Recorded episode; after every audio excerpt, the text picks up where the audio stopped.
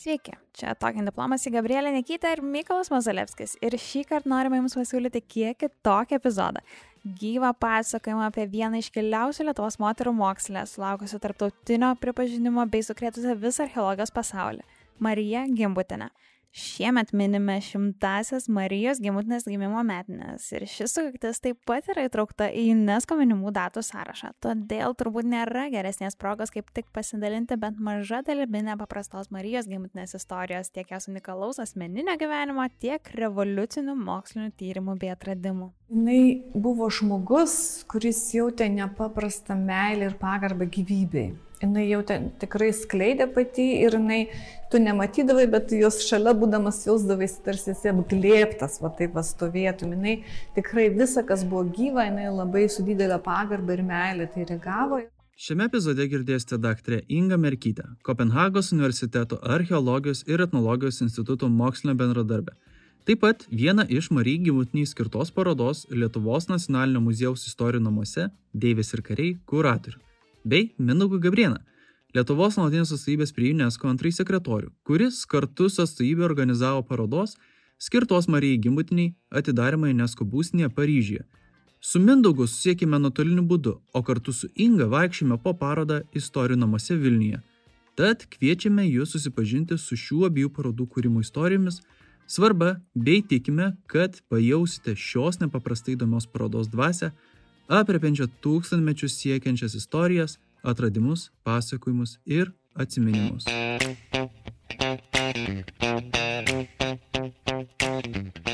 Tai iš tiesų labai yra tokia pradžia ir įvadas į mūsų šį pokalbį. Tai galbūt galėtumėte papasakoti šiek tiek apie save, ką jūs veikiat ir kaip jūsų darbas jūs atvedė iki šios parodos sukūrimo. Mano kelias iš tikrųjų labai yra įdomus į šitą parodą ir vat, kartais žiūrint retrospektyviai, na net nesusimastai, kaip, kaip kažkoks įvykis nutikęs prieš 20 ar daugiau metų, staiga reiškia jisai, na, tampa suprantamu šiandien. Prasidėjo 90 metais, kai aš atvykau į pasaulinį archeologų kongresą Bratislavoje ir ten susitikau Mariją Gimbutenę. Ir tada tai irgi man padarė, na, tokį nepakartojamą įspūdį, aš daugiau nieko panašaus nesu patyrusi. Mes susirinkę auditorijoje, apie 200 žmonių, amfiteatras, mes jau visi sėdim, laukiam sekančio pranešėjo, nu ir ateina moteriškiai į auditoriją. Ir ta auditorija staiga, nu, tarsi nušvinta, reiškia, nors buvo diena, bet tarsi vėl, jinai taip nušvinta ta auditorija. Ir aš tada su savo kolega, draugu Algimantu Merkenšiu mes susižvalgome ir žiūrim, kasgi čia per, per stebuklas atėjo. Ir po to jau po to pranešimo mus irgi nustebino dar labiau, kadangi jai užduoda klausimus angliškai, ne angliškai atsako, užduoda vokiškai, ne vokiškai atsako, užduoda prancūziškai, prancūziškai atsako. Mes jau šis galvom, kas čia per fenomenas. Ir, ir tada jau pertraukos metu mus buvo pradėjęs šefuoti toks kitas Amerikos lietuvis, archeologas Šarūnas Milišauskas. Ir jisai, reiškia, mes jau jo pribėgam ir klausim, kas čia buvo jisai, Marija, atbėg. ir sako, ir čia jisai sako, čia žmonės iš Lietuvos. Ir to pristatymo užteko, kad jinai iš karto visą mūsų apglėptų savo kažkokią tais nematerialią meilę. Žmonės iš Lietuvos, kodinis pavadinimas jai buvo, reiškia, daugiau nieko nereikėjo, nei kas, nei kaip. Jis taip pat mane pakvietė su ją keliauti iš Bratislavos į Prahą. Kitais metais netvyko į Lietuvą su savo biografė Joan Maler, kuri darė interviu su įvairiais žmonėmis. Ir tada Marija Gimutinė paprašė, kad aš būčiau jos vertėja. Na, užsimesgė tokia draugystė, kuri dėja nutrūko 94 metais, kai jaunai mirė. Po kiek laiko visiškai atsitiktinai aš atsidūriau kasinėjimuose Bulgarijoje. Dar tada studentė mane be galo sudomino ir, ir susidūriau kaip tik su tais pačiais dalykais, su ta sena Europa, kurią Marija Gimutinė ir tyrinėjo. Ir jokiais būdais nebandau savęs tapatinti su ją, tiesiog, vad, na, kažkoks likimas mane vedė panašiais keliais ir rodė panašius dalykus kaip ir jai. Ir tarkim, jeigu aš buvau, na, taip neutraliai nusiteikusi jos interpretacijų atžvilgių, tai susidūrusi su ta medžiaga, aš tikrai pamačiau, kad, kad na, yra tame tiesos. Šių metų rugsėjo mėnesį Marijos gimbutinės šimtmečiui skirta paroda buvo atidaryta ir UNESCO būsnėje Paryžiuje, tik kiek sudėtingesnėmis sąlygomis. Apie tai pasakoja Mindaugas Gabrienas. Atstovybė iš tikrųjų yra šiuo metu užsiėmusi ypatingai ar artėjančiais artėjančiais rinkimais kadangi lietuva kandidatuoja į unesco vykdomąją tarybą labai svarbų unesco organą į kurį rinkimai bus nelengvi kadangi yra rimta konkurencija rinkimai vyks lapkritį ir tai yra svarbiausia mūsų turbūt užduotis šiuo metu. Gimbutienės paroda e, irgi tarsi tapo mūsų tos priešrinkiminės kampanijos dalimi, kadangi parodą surengėme rugsėjo mėnesį. Tai yra toks kaip vienas iš akcentų pristatančių Lietuvą iš švietimo, iš mokslo žymių asmenybių pusės. Visų pirma, pirminė mintis, tai prieš keletą metų apskritai siekti, kad gimbutienės e, šios metinės, šimtosios gimimo metinės būtų įrašytos į UNESCO minimų sukakčių sąrašą. Pateikėme pasiūlymą, kuriam buvo pritarta ir ši data buvo įrašyta į, į, į minėtinų sukakčių sąrašą ir kada jau 21 metai atėjo, tiesiog mes buvome na ne tai kad įsipareigoję bet bet neišvengiamai supratome kad reikia kažkaip paminėti šią sukaktį. Todėl pasiūlėme nu, užsienio reikalų ministerijai ir lietuvos nacionaliniam muziejui pagalvoti apie tokios parodos kilnojamosios parodos apie mariją gimbutienę sukūrimą parodos kuri pristatytų šios iškilios mokslininkės asmenybę ir ne tik biografijos faktus taip pat mokslinius pasiekimus na ir galiausiai sutarėme nacionalinis muziejus tą parodą parengė užsienio reikalų ministerija finansavo buvo parašyti įvadiniai tekstai atrinkta vizualinė medžiaga ir tokiu būdu e, ta paroda atsidūrė pas mus ir mes ją pasiūlėme e, UNESCO būstiniai surengti. Tiesa, tas procesas buvo pakankamai sudėtingas, nes buvo visa eilė teksto vietų, kurias teko apginti ir rimtai ginti atstovybės diplomatams, kadangi buvo nuorodos, pavyzdžiui, į sovietų okupaciją, net į, nu, tuo metu Lenkų okupuotą Vilniaus kraštą ir, ir UNESCO sekretoriatas e, teikė siūlymus vengti tokių nuorodų, tačiau mūsų tikslas buvo apginti tekstą toks, koks jis yra ir džiaugiamės, kad tai pavyko padaryti ir galiausiai kažkokių pakeitimų nebuvo. Na ir štai rugsėjo 16 dieną įvyko UNESCO būstinėje parodos atidarimas. Kiek sulaukė dėmesio tai parodai ir ar parodą galėjo aplankyti žmonės iš išorės, nes kaip suprantu, buvo taip pat neįliniam kontekste ta paroda atidaryta, ar ne? Iš tiesų, na, UNESCO būstinė, kai, kaip ir bet kokios kitos tarptautinės organizacijos būstinė, jinai nėra e, visą laiką atvira lankytojams. Bet mums labai pasisekė, nes tuo metu e, būtent tą savaitgalį vyko tradicinė filosofų naktis, e, minima UNESCO būstinėje ir e, paveldo dienos, e, vykusios ir šeštadienį, ir sekmadienį, kuriuose taip pat dalyvavo UNESCO būstinė ir mums labai pavyko, nes tuo metu kaip tik vienoje iš salių mes kaip tik pastatėme, e, sukonstravome būtent tą parodą ir paprašėme, kad jinai taip pat būtų atvira lankytojams ir tiesiog liudijimas to, kad ji buvo nepaprastai gausiai aplankyta, yra tas, kad mes, aišku, buvom palikę daugybę informacijos tiek apie Lietuvą, tiek apie Lietuvos kandidatūrą į UNESCO vykdomąją tarybą ir pirmadienį atėję apžiūrėti parodos neradome, reiškia, nei vieno lankstinuko ir, ir radome šiek tiek požymių prisilietimų prie parodos stendų likusių matomai iš, iš, iš lankytojų pusės, taip kad, žodžiu, akivaizdu, buvo akivaizdu, kad paroda buvo čiupinėta, lankyta, vertinta ir tai yra labai gerai. Reiškia, ją tikrai aplankė daug žmonių, ne, nebūtinai dirbančių UNESCO arba nebūtinai užsienio valstybių diplomatų, tas labai džiugina. Paties atidarimo metu, kadangi parodą sutiko globoti UNESCO generalinė direktorė Odri Ozulė, sveikinimo žodį taip pat tarė UNESCO generalinis direktorius pavaduotojas kultūros klausimais Ernesto Otonė. Bet mums labai pasisekė, nes pavyko į parodos atidarimą prikalbinti, atvykti E, šiuo metu pietų Prancūzijoje gyvenusi, Gimbutienė gerai pažinojusi ir kartu su jie archeologinius kasinėjimus vykdžiusi šiuo metu dabartinį Paryžiaus Sorbonos universiteto vėlesnės Europos priešistorės profesorių emerita Jean-Paul Demul. Jisai atidarimo metu pasidalino savo prisiminimais apie bendrą darbą su Marija Gimbutienė ir tapo toks gyvas liudininkas iš tiesų ir, ir, ir tokiais šmaikščiais prisiminimais. Tai, žodžiu, labai pagyvino tą atidarimą Tai gal tada pabandom paeiti ir pasižiūrėti į tą pačią būtent.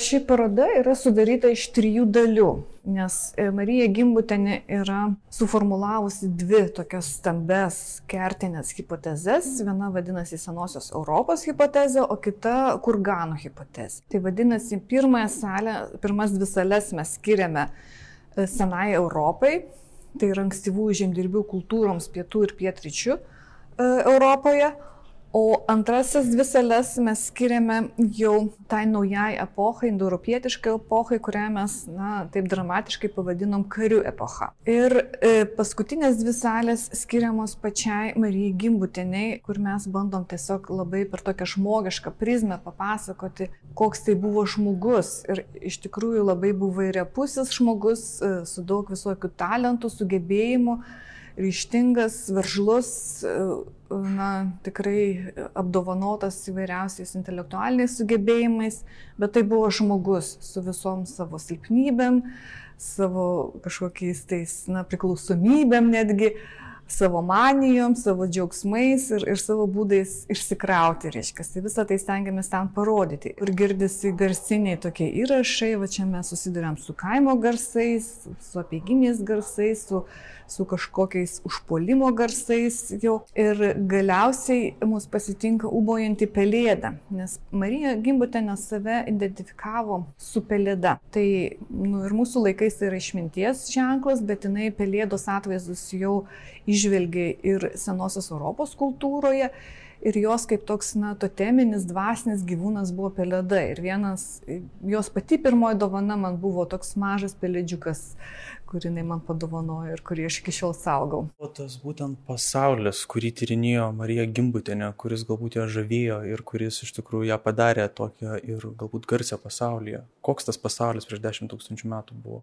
Na, tas pasaulis prieš 10 tūkstančių metų tai buvo pilnas įvairių permainų, tai tikrai buvo labai dramatiškas laikotarpis, kai, kai mes visi dar čia nais bandėme žmonės uh, kurtis, medžioti, ieškoti kažkokiu tais gamtinių nišų, kur, kurias galėtume išnaudoti ir, ir, ir sumažinti savo vargą. Ir, ir kai kuriuose vietose tie medžiotojai žvėjai, ypač žvėjų bendruomenės, pradėjusius sesliai gyventi, jos aptiko taip pat, kad yra galimybė na, užsiimti rinkimu ir per tuos rinkimo procesus, kaip kuomet buvo renkamos laukinės sėklas, e, kažkaip prisijaukinti tas sėklas, reiškia tas kultūras. Tai yra pirmiausia ankštinės kultūros, e, grūdinės kultūros. Na ir buvo taip pat pastebėta, kad ir kai kurie gyvūnai e, linkia tapti e, prijaukinti. Buvo taip pat atliekami įvairūs eksperimentai. Ne visos tos grūdinės kultūros, kurias mes pažįstam šiandien, reiškia, buvo pavykę eksperimentai, bet buvo tikrai eksperimentuojama. Ir Marija Gimbutė atsidūrė būtent šitoje e, Europos dalyje, siekdama na, atsakyti vieną iš didžiausių 20-ojo e, amžiaus archeologijos klausimų. Ar galėjome mes Europoje e, patys domestifikuoti gyvūnus, patys kultivuoti e, augalus? Ar tikrai mums prireikė va, tos tokių atijūnų ir jų žinių iš, iš Levanto, iš derlingojo pusrutulio, per, per Turkijos teritoriją, kad jie visą tai mums tas žinias ir, ir gyvūnus ir augalus atneštų. Ar tikrai tas buvo būtina. Ir jos tyrinėjimai e, Graikijoje, taip pat Bosnijoje ir Makedonijoje būtent buvo susiję su tuo. O tie žmonės, kurie atėjo, jie ir yra indoeuropiečiai, ir yra mūsų protėviai. Šitie žmonės, kurie ateina, atsineša taip vadinamą neolitinį paketą, tai yra e, augalus, ankštinės kultūras, grūdinės kultūras, žirniai, kviečiai atsiveda savo gyvūnus domestifikuotus, jau naminius gyvūnus, atsineša sugebėjimą daryti keramikinius puodus, atsineša taip pat e, akmenų, titnagų glūdinimą, tai yra irgi didelis technologinis šuolis. Šitas paketas, jisai pirmiausiai nukeliauja į, vad matome, pietinės Graikijos dalis, į Peloponesą, į Tesalį ir vėliau dirlingais upių slėniais jau paplinta uh, tenais, kur jisai galėjo prigyti.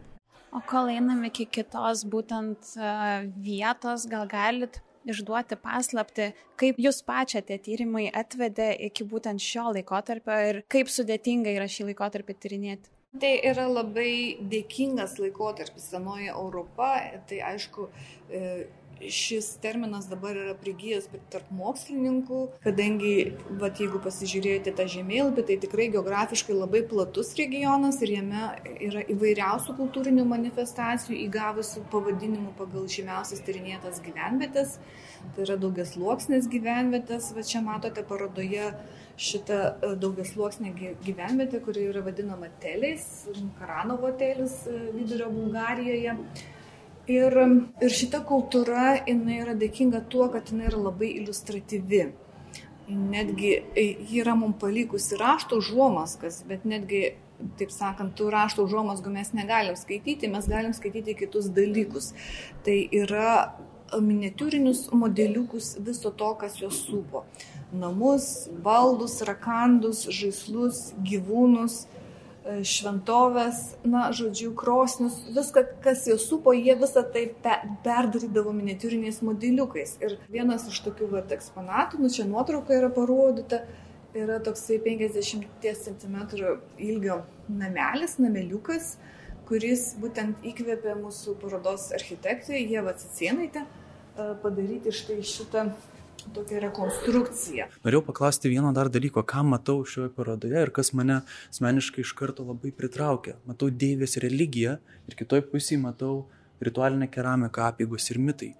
Į ką tikėjo šie žmonės, kokios buvo apygos, kokie ritualai. Kai ką mes tikrai galim patvirtinti archeologiškai, kai ką jau mes turim remtis Marijos Gimbutinėms siūlomis interpretacijomis. Ir ne visi sutinka su tomis interpretacijomis, bet e, šiuo atveju parodoje mes būtent pasirinkome kalbėti jos lūpomis. E, tai yra pasakyti tai, e, kam jinai pritarė. Ir reikia pasakyti, kad žmonės, kurie patys dirba tose vat, regionuose, kur aptinkami šitie vat, ritualiniai puodai, skultūrėlės, jie iš esmės pritarė toms interpretacijoms, mes nebejojom, kad tikrai yra buvusi moteriška gyvybė. Ir pati Gimbutė neaiškina, kad na, tai yra labai logiškas pasirinkimas, kadangi net jau paleolito laikais, jeigu pasižiūrėsim, pats ankstyviausias žmogaus atvaizdas yra moters atvaizdas, atrastas Oloje, pietų Vokietijoje prieš 40 tūkstančių metų. Ir moteris yra ta, kuri laukiasi, kuri gimdo, kuri žindo, kuri užtikrina gyvybę.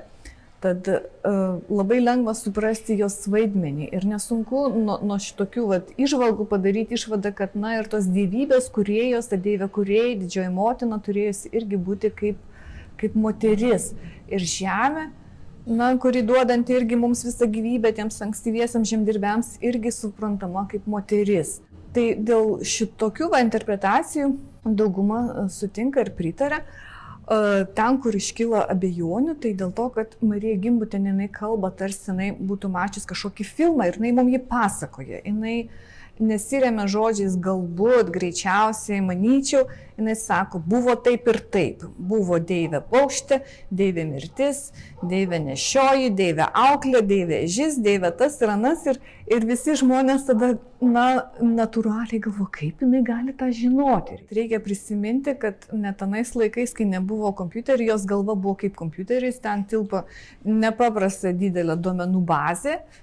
Ir ir tą jinai įrodė ir savo tikrai labai tokiom, na, moksliniam, akademiniam publikacijom, kur jos viena knyga sveria kokius 3 kg. E, ir jinai visą tą medžiagą, jinai kaupė, pradėjusi kaupti nuo savo pačios kasinėjimų Graikijoje ir, ir Balkanuose, jinai tiesiog ją apdorojo ir pateikė, kaip jie ten susidėliojo. Tai yra, taip sakant, jau jos, na, duomenų bazės išdava. Šitą jinai matė. Nežiūrint to, kad mes žiūrime į įvairius regionus šitos labai didžiosios, e, didelės senosios Europos, tai vad ką Gimbutė neatkreipia, kad e, nepriklausomai nuo to, ar, ar vienaip ar kitaip visą tai rodoma, ar, ar tai piešiama, ar įraižoma, ar naudojami dažai, ar grafitas, ar kas, visur yra tarsi ta pati kalba, tas pats atsikartojimas ir Tainai irgi pastebi, va, ir tarp skultūrėlių, kurias mes išskiriame tam namuke, parodydami jos tipus. Jis tikrai pastebėjo, kad yra dėsningumai visoje šitoje medžiagoje ir žvelgdama visą medžiagą nustatė, kad yra tikrai dominuojanti moteriška ta dimensija moteriškumas, o iš vyrų jinai pastebėjo tik du tokius pagrindinius archetipus, tai tokį labai veršlų, jauną, sėdintį su labai išreikštais vyriškais atributais E, kažkokį tais jau atvaizdą ir, ir tokį vat, lietuvišką rūpintojėlį susimašiusi ir sunkiai, taip sakant, mąstanti apie tą savo vargingą gyvenimą, kuriuos jinai pavadino gimstančios ir mirštančios gamtos metaforomis. Tai vat, vyrai irgi turėjo savo vaidmenį jos panteone. Šiaip labai įdomu, kai jūs pasakojat, kad Marija Gimbutinė pati tiesiog imdavo ir pasakodavo va, tą istoriją. Tai kaip galvojat, ar tai buvo vienas iš dalykų, kuris galėjo iššaukti tą tokį, na ir mokslinės bendruomenės šiek tiek ne tai, kad pasipriešinimą, bet gal atmetimą, ar tai buvo labiau dėl to, kad buvo iškeltos tos netgi per šių laikų prizmę žiūrint feministinės idėjos? Na, tai be abejo, kad buvo visas uh, toks kompleksas tų priežasčių.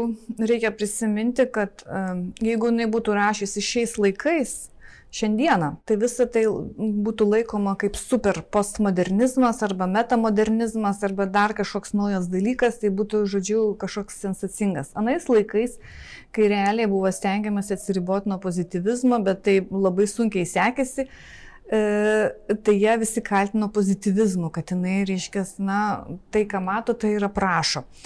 Ir, ir manau tikrai ne vieną skaitytoją turėjo erzinti jos tas kategoriškas, na, toksai rašymas, kai tu esi įstikinęs tuo, ką sakai, nes mes, nu, manom, kad akademiškiau būtų pasakyti, aš manau, kad buvo taip ir taip, na, ir tu pasilieki savo galimybę žengti žingsnį atgal ir sakyti, ne, ne, aš suklydau. Bet jinai tikrai nenaudojo jokių tokių vat, e, na, prielaidų ir, ir viską teigia, tarsi būtų žiūrėjusi kažkokį filmą. Ir be abejo, jinai palėtė tokią temą, kur, na, turėjo užgauti ir, ir kažkokią vyrišką savimėlę, net ir tarp akademikų, kadangi... Kokia dar čia Deivės religija, reiškia, apie ką čia kliedžia. Ir, ir labai gerai, nes jinai išjudino visą tą pasaulį, reikia prisiminti, kad tai išjudino ir susidomėjimą šituo regionu. Mes juk gyvenam tais laikais, kuomet pasaulis yra padalintas, yra rytai, vakarai, čia va, rytuose yra visiška užmarštis, vakarai nesidomi tais rytais, o staiga jie susiduria, kad, ha, tuose rytuose kažkas vyko įdomaus, reiškia, ir, ir tada atsiranda susidomėjimas iš vakarų pusės, būtent kas gyvyko tose rytinėse Europos pakraščiuose e, už tos geležinės užkardos. Ir be abejo, jinai patraukė tada jau ir kitų mokslininkų dėmesį patyrinėti šitą klausimą, nes iki jos buvo konstatuojama, kad yra randamos tos skulptūrėlės, bet tai buvo vertinami kaip kažkokios meninės išaiškos ir buvo vertinamas dviem kriterijais - gražu arba negražu. Niekas nebandė iš to susisteminti, ką jinai padarė ir išskaityti, kągi reiškia ta sistema. Reiškia, gal aš ir klistu, bet tai yra sistema ir to niekas nepaneigs. Čia ir girdim vaikščiodami visus bungnus ir, ir, ir šunis ir, ir ką tik tai ne. Iš tikrųjų leidžia įsijausti vis labiau net į pačią aplinką. Tai va čia va irgi matote tą karių epochos sales, kur, na, vėlgi mūsų šauni architektė labai, jinai taip, e, reiškia, padarė planus tokius drąsius, kad, na, atkursim tai, kas būdingiausia tam laikmečiai, tam, tą, va, kurganą, tai yra pilkapi kuris e, būtent pažymi tas naujasias kultūras besiformuojančias iš nuo Jodosios ir Kaspijos jūrų, stepių regione ir e, iliustruojant Marijos gimbutinės kurganų hipotezę. E, ir aišku, čia yra na, nepaprastai nuostabus muziejaus restauratorių darbas, kurie ten tikrai kažkokius, nežinau, superžmogiškom galiom apdovanoti, nes jie sugebėjo taip įtikinančiai padaryti tos, tas visas rekonstrukcijas. O kol einame iki kitos deivių ir karių parodos dalies, dar išgirskime Mindaugo įspūdžius iš parodos Paryžyje. E, iš tiesų, UNESCO kontekste mes visų pirma siekiame e, Mariją Gimbutinę pristatyti kaip e, švietimo mokslo atstovę. Bet mums buvo ypatingai svarbu, kadangi UNESCO vienas iš prioritetų tai yra Afrika, o kitas svarbus prioritetas yra lyčių lygybė. Mums buvo labai svarbu iš tikrųjų gimbutienę pateikti kaip pavyzdį, ypač vaikams, mergaitėms, šiuo metu gyvenančioms skurdžiose regionuose, konfliktų alinamose zonose, kad iš tiesų viskas yra įmanoma. Kad jeigu kažko labai nori, ir sieki. Tikėtina, kad to pavyks pasiekti, kadangi vis dėlto Gimbutė pati buvo tarpukario vaikas, akademinį profesinį kelią pradėjusi artėjančio karo nuojautomis, pokario suirutės persmelktoje aplinkoje, išgyvenusi okupaciją, priverstinės imigracijos sąlygas. Ta prasme, ir nepaisant visų šitų klaikių aplinkybių, galų gale tapusi visame pasaulyje pripažinta mokslininkė.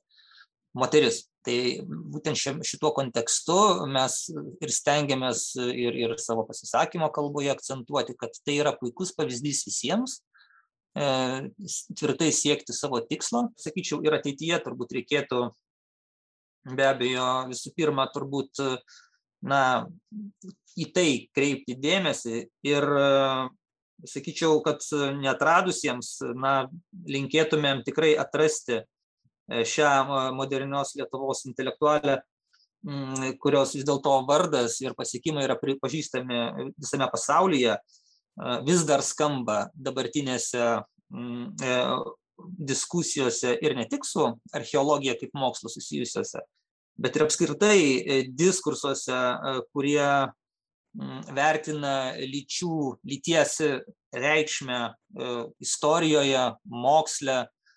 Mm, ir aš sakyčiau, kad tos idėjos yra labai aktualios ir šiandien, ir labai populiarios. Jomis mes galėtumėme sėkmingai ir toliau remtis, pristatydami gimbutėnės teoriją kaip, kaip iš tikrųjų turinčią labai daug paralelių ir su šių dienų aktualijomis.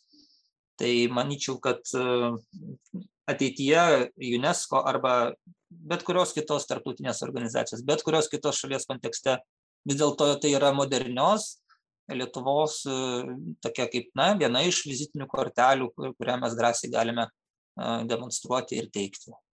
Grįžtame į Vilnių, kur patenkame į biografinę istorijos namų parodos dalį ir susipažįstame su tuo, kokia buvo Marija Gimbutinė. Tai va čia patenkame į Marijos gimbutenės erdvę, tokia labai šviesi ir, ir susipažįstame su jos gyvenimu. Čia va šita mašinėlė tai yra nesiktinai, čia irgi viena iš jos gyvenimo metaforų, nes tai buvo moteris, kuri mėgo vairuoti greitai. Tai mes parodos atidarimo metu parod, netgi atsidėmėm Honda Prelude, nes tai buvo jos mėgstamiausias automobilis. Ir kai ją reikėdavo išsikrauti, tai jinai sėsdavo į automobilį ir skrosdavo dikumomis jau didžiausiu greičiu. Ir aišku, šiais laikais atrodytų, na, kas moteris, kuri mėgo vairuoti greitai, bet tais laikais dar tikrai nedaug moterų ryždavo sėstis už vairo, o jinai, reiškia, jau drąsiai ir, ir, ir tam sportiniam automobilė jau ten tikrai, matyt, ne vieną yra išgazinusi kelyje. Tai buvo jos, na, gyvenimo būdas. Čia susidurėme su irgi jos nepaprasta meilė gyvūnams. Tais laikais dar nebuvo įprasta, e, jo lab Lietuvoje, laikyti kažkokius tais šunelius ar katinėlius namuose. Na, tai turėjo, na, sargo kažkokią tais funkciją, o jinai labai anksti pajuto tą kažkokį bendrumą gyvūnais ir, ir jie visada supo tikrai šunis ir katytės ir, ir kartą vad nedraugai na, atitempė į arklį ir paklausė, ar negalėtų pasi, prižiūrėti to arklio keletą savaičių ir jinai buvo ką tik įsikūrusi Topangoje, dikumoje, kur tikrai vargingų darbų užsiaugino sodą. Na ir kai draugai atvyko atsimti to arklio, tai žiūri, kad tas arklis tam ko nepasvatai nevaikšto jau ir nuėdęs visą tą sodą, jau žodžiu nieko iš jo tebeliko. Ar tai gali būti susiję ir su jos, ta, kaip ir minėjote, ta teorija, iš tikrųjų, domestifikacija, ta, kad senoji Europa, jo, jie, jie buvo tie, kurie jau darė ketėjimo to tijūnų, jau jie domestifikavo daug gyvūnų. Jis buvo žmogus, kuris jautė nepaprastą meilę ir pagarbą gyvybei jinai jau ten tikrai skleidė pati ir jinai, tu nematydavai, bet jos šalia būdamas jausdavaisi tarsi esi apglėptas, va taip va stovėtum. Jinai tikrai visą, kas buvo gyva, jinai labai su didelė pagarba ir meilė tai reagavo ir, ir šunys jie buvo, na, matyt, ypač po skirybų, tai pakeitė tą tokį dėmesį, kurio jinai turbūt jautė ir ilgi, ilgėjosi per, per, per savo tokias, na, savotiškai vienišą santoko, kadangi na, tas vyras ne visada suprasdavo jos aspiracijas ir jos troškimus. O šunys buvo, jie, nu, nekvestionuodavo nieko ir visada dalindavosi su ją meilė. Ir jinai jautėsi, na, tokiai vad geroj, smagioj kompanijoje su tais šunimis ir, ir netgi per jos laidotuvės, kurios įvyko Šventų Jonų bažnyčioje čia jau Vilniuje, taiga vidurį bažnyčios prie jos urnos pribėga kažkoks šuo juodas, pribėga prie urnos, pastovi ir niekino nevejamas išbėga, reiškia, nu, vat, toks. Tada kitas jos toks irgi rodo, na, savybę, reiškia, kad jinai atsikrašysi tą dykumą ir jinai staiga nusprendžia mm, užsiauginti obelis. Ir, taip pasime, žmonės Italijoje nesugeba obelų užsiauginti. O jinai pasiprašo mamos, mama ją atsinčia sėklyčių ir, ir jai pavyksta tas projektas, kas yra na, visiškai nerealu, kad jinai sugeba dykumoje užsiauginti va štai žydinti obelis. Čia aš gerai suprantu, čia mes kalbam apie tą laikotarpį, kai Marija Gimunė kraustėsi į Kaliforniją, ar ne? Čia jau Kalifornija, jinai jau atsikraustys, jau kai tikrai jinai nasiskleidžia jos tą akademinę karjerą, nors uh, galima sakyti, kad jinai įrodo savo akademinį svorį dar Harvardė būdama, kuomet publikavo dvi labai reikšmingas publikacijas, kurios išlieka vadovėliais iki šių dienų. Tai yra Senosios Europos prieš istoriją, vienas tomas skirtas akmens amžiai, o antras tomas bronzos amžiai. Mes čia matome daiktų. Ar tai yra dalis jos asmeninių daiktų? Jo, tai jinai e, toksai neogotikinis baldelis, kur jinai irgi kaip kokį altorėlį turėjo savo namuose, čia jos papuošalai. O gal laivelis? O laivelis tai yra simbolis jos tos baisiosios, baisiosios deportacijos iš Lietuvos, kai jinai buvo priversta išvykti ir net čia matote sulankstytą vat, e, užrašą galutinis bolševizmo planas sunaikinti nerusiškus, nebolševikinės tautas Europoje. Tai, ir reikia, na, vėlgi, koks jinai žmogus buvo skleidžia ir, ir na, jos visas gyvenimo istorija yra chrestomatinė mūsų tautos istorija. Juk jinai e, gimusi Vilniuje, lietuvininkų tėvų šeimoje, jos mama viena iš pirmųjų moterų tapusių gydytoje, akių gydytoje įgyjo savo išsilavinimą Šveicarijoje, kur buvo be ne pirmoji vieta Europoje, kur leido moteriams siekti gydytojo išsilavinimo. Mm, tėvai įkūrė kliniką Vilnius 25 adresu, e, leido leidinius lietuviškus, redagavo juos ir, ir jinai augo tokioje labai lietuviškoje dvasioje, aišku, patyrė ir tą mišrumą, ir susiskaldimą, e, jau kuomet Vilnius buvo atitekęs Lenkams.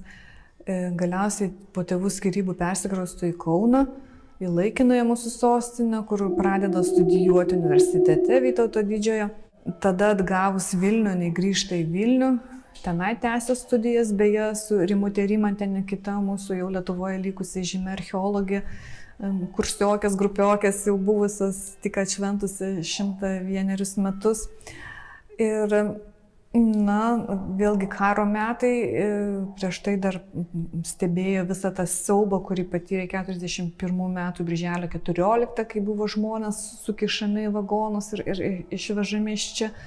Ateina vokiečiai, e, tenka slėpti žydus, motina slėpė, padėjo, reiškia, pas save slėpė žydus galiausiai karo pabaigoje supranta, kad na, nebus jiems čia gyvenimo ir, ir jinai su vyru ir su dukrelė pasitraukė Vokietiją į Tübingeną ir tenai, kur tikrai labai vaizdžiai yra aprašytas tas laikotarpis prisiminimuose ir laiškuose, tai kai kiti ieško, kaip išgyventi šiandien, jau nekalbu apie rytojų, jinai galvoja, kaip jai reikėtų apsiginti savo disertaciją.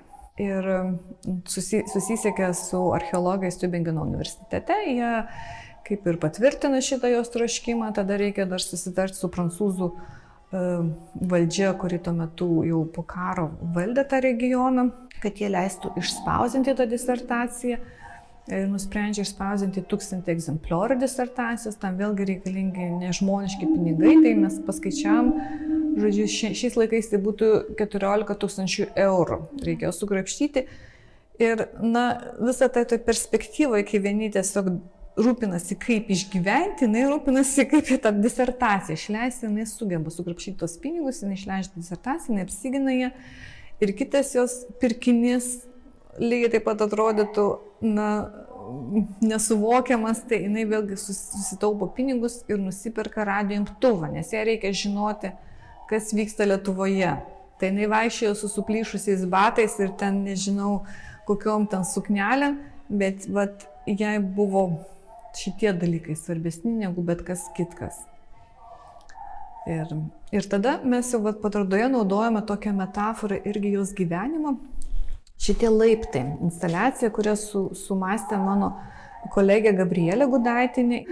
Jeigu mes visi linkę užkelti Mariją Gimbutenį ant piedestalo ir sudėvinti, jinai pasirinko visiškai priešingą uh, tokią koncepciją, kad reikėtų parodyti ją kaip žmogų, kad mes, na, kiekvienas iš mūsų galėtų kažkiek savęs atpažinti jos gyvenime, juk jinai ir rūkė, ir mėgo vyną, išgerti, atsipalaiduoti su vyno taurė, ir pašokti smagiai, ir vakarėlės, ir kompanijas.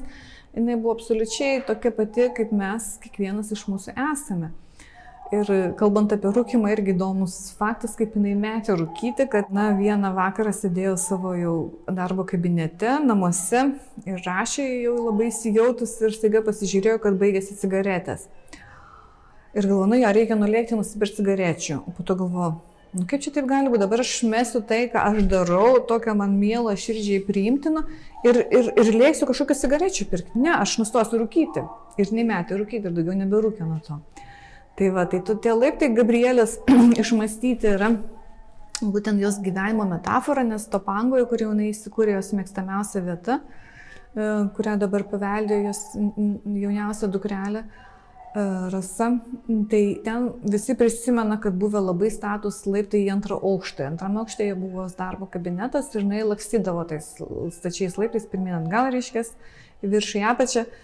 E, ir Ir jos gyvenimas yra va, kaip tokie status laiptai, kad jinai labai sparčiai, labai dideliais žingsniais jinai kopia, nes jis atvažiuoti kaip kažkokiai tais, na, emigrantė į Ameriką, na, ir su, kad ir su disertacija, pradėti gyvenimą nuo, nuo reiškia, kambarinės, siuvėjos darbų ir, ir, ir tapti profesorė vieno iš svarbiausių pasaulio universitetų, tai, na, tikrai E, turėtų kitam žmogui prireikti bent trijų gyvenimų, kad šitą pasiekti, o jinai vat, viską sugebėjo viename tame gyvenime priekti. Ir už tai, ten vat irgi matote pelėdą, tai jinai mūsų retsikiais pas, ir girdime, jinai mūsų pasveikina retsikiais, kai mes praeiname. Tai, Pasakojot apie tą pradžią, dar nuščiuvusią salę, man iš karto toksai ir klausimas atsirado galvoje, kartu ir su tokia simbolinė asmeninė patirtimi. Apie Mariją Gimbutinę iš tikrųjų daugiau sužinojau tik šiais metais. Ir iš tikrųjų tai žmogus, kuris labai labai palėtė mažai mano gyvenimą, nors ir aš iš tikrųjų man buvo gaila žinot, kad aš tą žmogų pažinau tik dabar. Ir taip pat su Gabrielė diskutavome, kad turėjom skirtingai, jinai pavyzdžiui, daugiau žinojo nuo mokyklos laikų net apie ją. Pavyzdžiui, mokykloje nieko negirdėjau. Man tiesiog įdomu, ar mes dabar pagaliau pažįstame labiau Mariją Gimbutinę, ar anksčiau Lietuva, pavyzdžiui, 90-aisiais, 94-aisiais pačiais ją daugiau pažinojo, kokia mes esame dabar lygyje ir kaip mums ją labiau pažinti. Na, aš galiu pasakyti, tokią įdomią patirtį, kad kai reikėjo kurti šitą parodą, tikrai bendravom su daugybė muziejų visoje Europoje. Ir yra, taip sakant, tokie visokie ritualiniai šokiai, kuriais tu turi tikinti, kad jie tikrai čia jiems įdomus projektas, jie turi bendradarbiauti. Bet čia nereikėjo nieko. Reikėjo pasakyti, mes darom parodą Marija Gimbuteniai. Ir, ir visa tai atvėrė mums visas duris, visas kelius ir, ir, ir jokių diskusijų aiškinimusi nebuvo.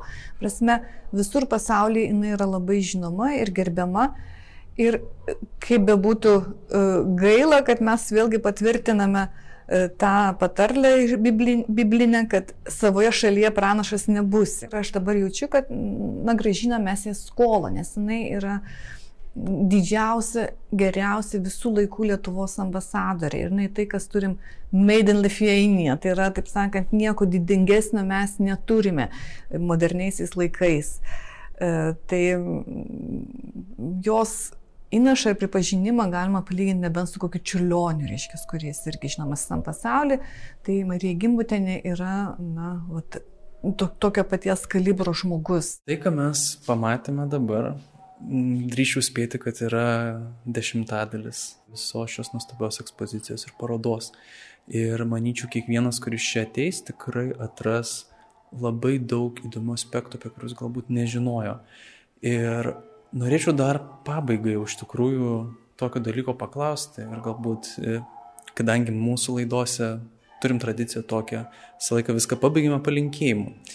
Ir iš jūsų pusės iš tikrųjų, ko jūs palinkėtumėte tiems žmonėms, kurie čia galbūt planuoja ateiti, ar jūs sugalvoja ateiti, ką kiekvienas iš jų galėtų čia atrasti, sužinoti, ko jūs jums galėtumėt palinkėti? Tikrai turiu daug ko palinkėti ir man labai norėtųsi, kad na, ta visa meilė, kurią Marija Gimutinė jautė Lietuvai ir Lietuvo žmonėms, kad jie ją pajustų ir, ir patys pajutę tos meilės dalelį skleistų ją vieni kitiems. Ir kitas dalykas, kurį norėčiau palinkėti, tai iš tikrųjų, kad pasižiūrėtų kad na, šita paroda yra refleksija, kad mes dabar gyvenam nesumastydami apie, apie tai, kad yra įmanomi kiti gyvenimo scenarijai. Reiškia, mes įstatyti kažkokias vežes, e, kurias valdo mūsų renkama valdžia, reiškia, ar, ar mūsų protėviai, ar mūsų tradicijos. Bet kad tos vėžios, tos traukinio vėžios tai nėra vienintelis ir kad yra alternatyvos tam, kad iš tikrųjų galima gyventi, kaip ir Marija Gimbutinė prašė toje senoje Europoje, kai viena lytis nesistengia užgošti kitos, kai sugyvenama yra taikiai ir harmoningai ir kad e, yra svarbesni dalykai nei mūsų kažkoks susireikšminimas, o iš tikrųjų, kad kažką dieviško galime išvelgti bet kame. Ir va tas potis dieviškumo, šventumo, žemės šventumo, žmogaus šventumo, gyvybės šventumo, kad jisai na, turėtų persiduoti kiekvienam iš mūsų ir tikiu, kad tuomet kiekvieno kasdienybė taptų geresnė. Ir iš tiesų galima netgi išvelgti tos tokias paralelės, nes pati Marija Gimbutinė savo tą idėją deivės, dievybės kaip moteris, jinai netgi perkelia, galima sakyti, savo gyvenimą. Ne dėl to, kad sudėvinti, bet dėl to, kad moteris, kuri ėjo, griovė sienas ir statė idėjas, kurios nelabai patiko nusistovėjusiai tvarkai ir, ir taip pati nešė tą savo žinę. Jūs visiškai teisi ir jeigu jinai būtų gyvenusi anksčiau, jie visi laikytų žinę, bent jau. Tiesiog pridėti, kad na, mes turėtumėm turbūt neapsiriboti arba um, atkreipti dėmesį ir tai, kad pačioje Lietuvoje gimbutienė yra vis dar mažai žinoma.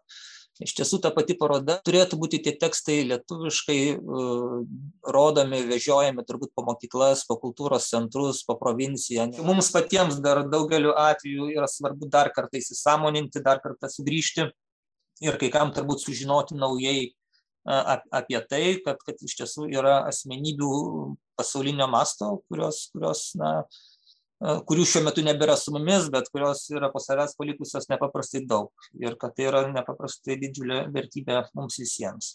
Tai ir linkėčiau turbūt visiems grįžti truputėlį, na, steptelti, atsigręžti į save, nes ten tikrai yra į ką pažiūrėti. Labai labai Jums ačiū ir ačiū, kad padedat, padedate kurti tą Marijos gimutinės šiokią tokią legendą Lietuvoje, kurios mums labai labai trūksta. Tai ačiū Jums labai. Šiam kartu tiek. Ačiū, kad klausėtės. Norėdami nepraleisti naujų Talking Diplomacy epizodų, sekite Užsienio reikalų ministeriją visose socialiniuose tinkluose. Taip pat prenumeruokite Talking Diplomacy Spotify kanalą, sekite mus LRT audiotekoje ar bet kur, kur mėgstate klausyti savo mylimų podcastų. Iki kitų kartų.